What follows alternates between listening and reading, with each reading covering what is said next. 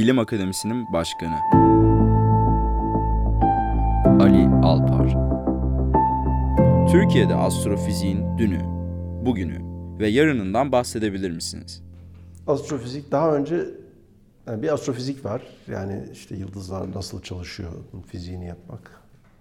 Bir de gözlemlerini yapmak, astronomi var. Bu ikisi de çok iç içedir. Türkiye'de astronomi e, geleneksel olarak işte önce İstanbul sonra Ankara daha sonra Ege Üniversitelerinde e, öteden beri var olan bir bilim dalı ve astronomlar da başka bilim dallarına göre biraz da kamuoyunun ilgisi sebebiyle daha dışarıya dönüktürler, çok konuşurlar kendi konularında falan. Çok önemli bir hizmet topluma. Astronomi bir de insanların bilimle ilgi kurmalarına kolaylık gösteren bir bilim dalı. Ee, Türkiye'deki astronomi camiası da bunu yapmıştır. İkincisi kendi aralarında bütün akademik dünyada olduğu gibi bir takım normal çekişmeler, rekabetler falan olur ama birlikte davranmışlardır. Onun için de önemli bir eşik noktası yani Türkiye'de bir ulusal gözleminin kurulması astronomların çabalarıyla e, benden önceki nesil sonra bizim nesil e, çabalarıyla gerçekleşti. E, yani bir arka plan var astronomide öteden beri. Şimdi klasik optik astronomi bir gözlemin kurulmasından sonra yeni dalga boylarında mesela şimdiki genç arkadaşlar Erzurum'da Doğu Anadolu gözleminde bir kızıl altı gözlemler yapacak gözlemi kurdular, onu geliştiriyorlar. Bu çabalar gidiyor. Türkiye'deki astronomi camiası bu bakımlardan aktif. Öte yandan astronomi hem astrofizikle bütünleşti. Yani yıldızların yapılarının anlaşılması, hesaplanması mümkün hale geldi bütün dünyada. Ne zaman bu? 20. yüzyılın ilk yarısı kuantum mekaniğinin ve relativitenin çıkmasından sonra Güneş ve diğer yıldızların yapısını insanlar hesap ettiler. Yani o kadar eski değil. Evrenin yapısı anlaşıldı, galaksiler vesaire. Bununla birlikte hem gözlemsel astronomi gelişti büyük teleskoplarla hem de teorik tarafı astrofizik.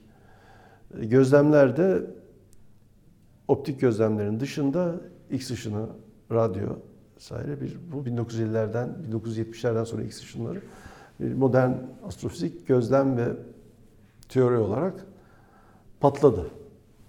Bu da Türkiye'ye oldukça iyi yansıdı. Bunda birkaç kritik insanın Türkiye'ye dönüp burada öğrenci yetiştirip okul kurmaları rol oynadı. Yani teori tarafını şimdi ben söylüyorum. Yıldız yapısı konusunda e, Dilhan Ezer Eryurt rahmetli. O e, ODTÜ'ye döndü. Orada bir yıldız yapısı ekibi kurdu gözlemsel modern astronomi, X ışınları astronomisi alanında Hakkı Ögelman çok önemli bir rol oynadı. Aynı zamanda ulusal gözleminin kurulmasında da bu insanlar birleştirici, destekleyici roller oynadılar. Ee, bütün önceki kuşak astronomlarla birlikte. Hakkı Ögelman'ın yetiştirdiği öğrenciler Türkiye'den proje vererek yurt dışındaki X ışını uydularında gözlem yapmaya, onun sonuçlarını yayınlanmaya başladılar. Ee, o da işte benim çalıştığım yüksek enerji astrofiziğini, ben teoriciyim ama deneysel dalda gelişti. Ee, Hakkı Ögeman'ı da kaybettik. Yani benim, benden 1940 doğumluydu, benden 10 yaş büyük ama çok yakın meslektaşım, arkadaşımdı. Çok büyük emeği olmuştur. Yetiştirdiği öğrencilerle Türkiye'de bu alanın gelişmesine. Şimdi Türkiye'de astronominin birçok dallarında özellikle de yüksek enerji astrofiziği denen X ışını, gamma ışını, nötron yıldızı kara delik gözlemleri ve onların e, teorik analizi konusunda bayağı iyi çalışan, dünyada tanınan ekipler var. E, optik ulusal gözleminden çıkan epeyce çalışma makale var. Türkiye'deki astronomlar klasik öteden beri uğraştıkları konuları bırakıp galaksi dışındaki astronomi falan açıdan yani iyi görüyorum ben astrofiziğin gelişmesini. Önemli ne yapması lazım Türkiye'nin? Ee, bu büyük uydular vesaire hiçbirine tek bir ülke atmıyor.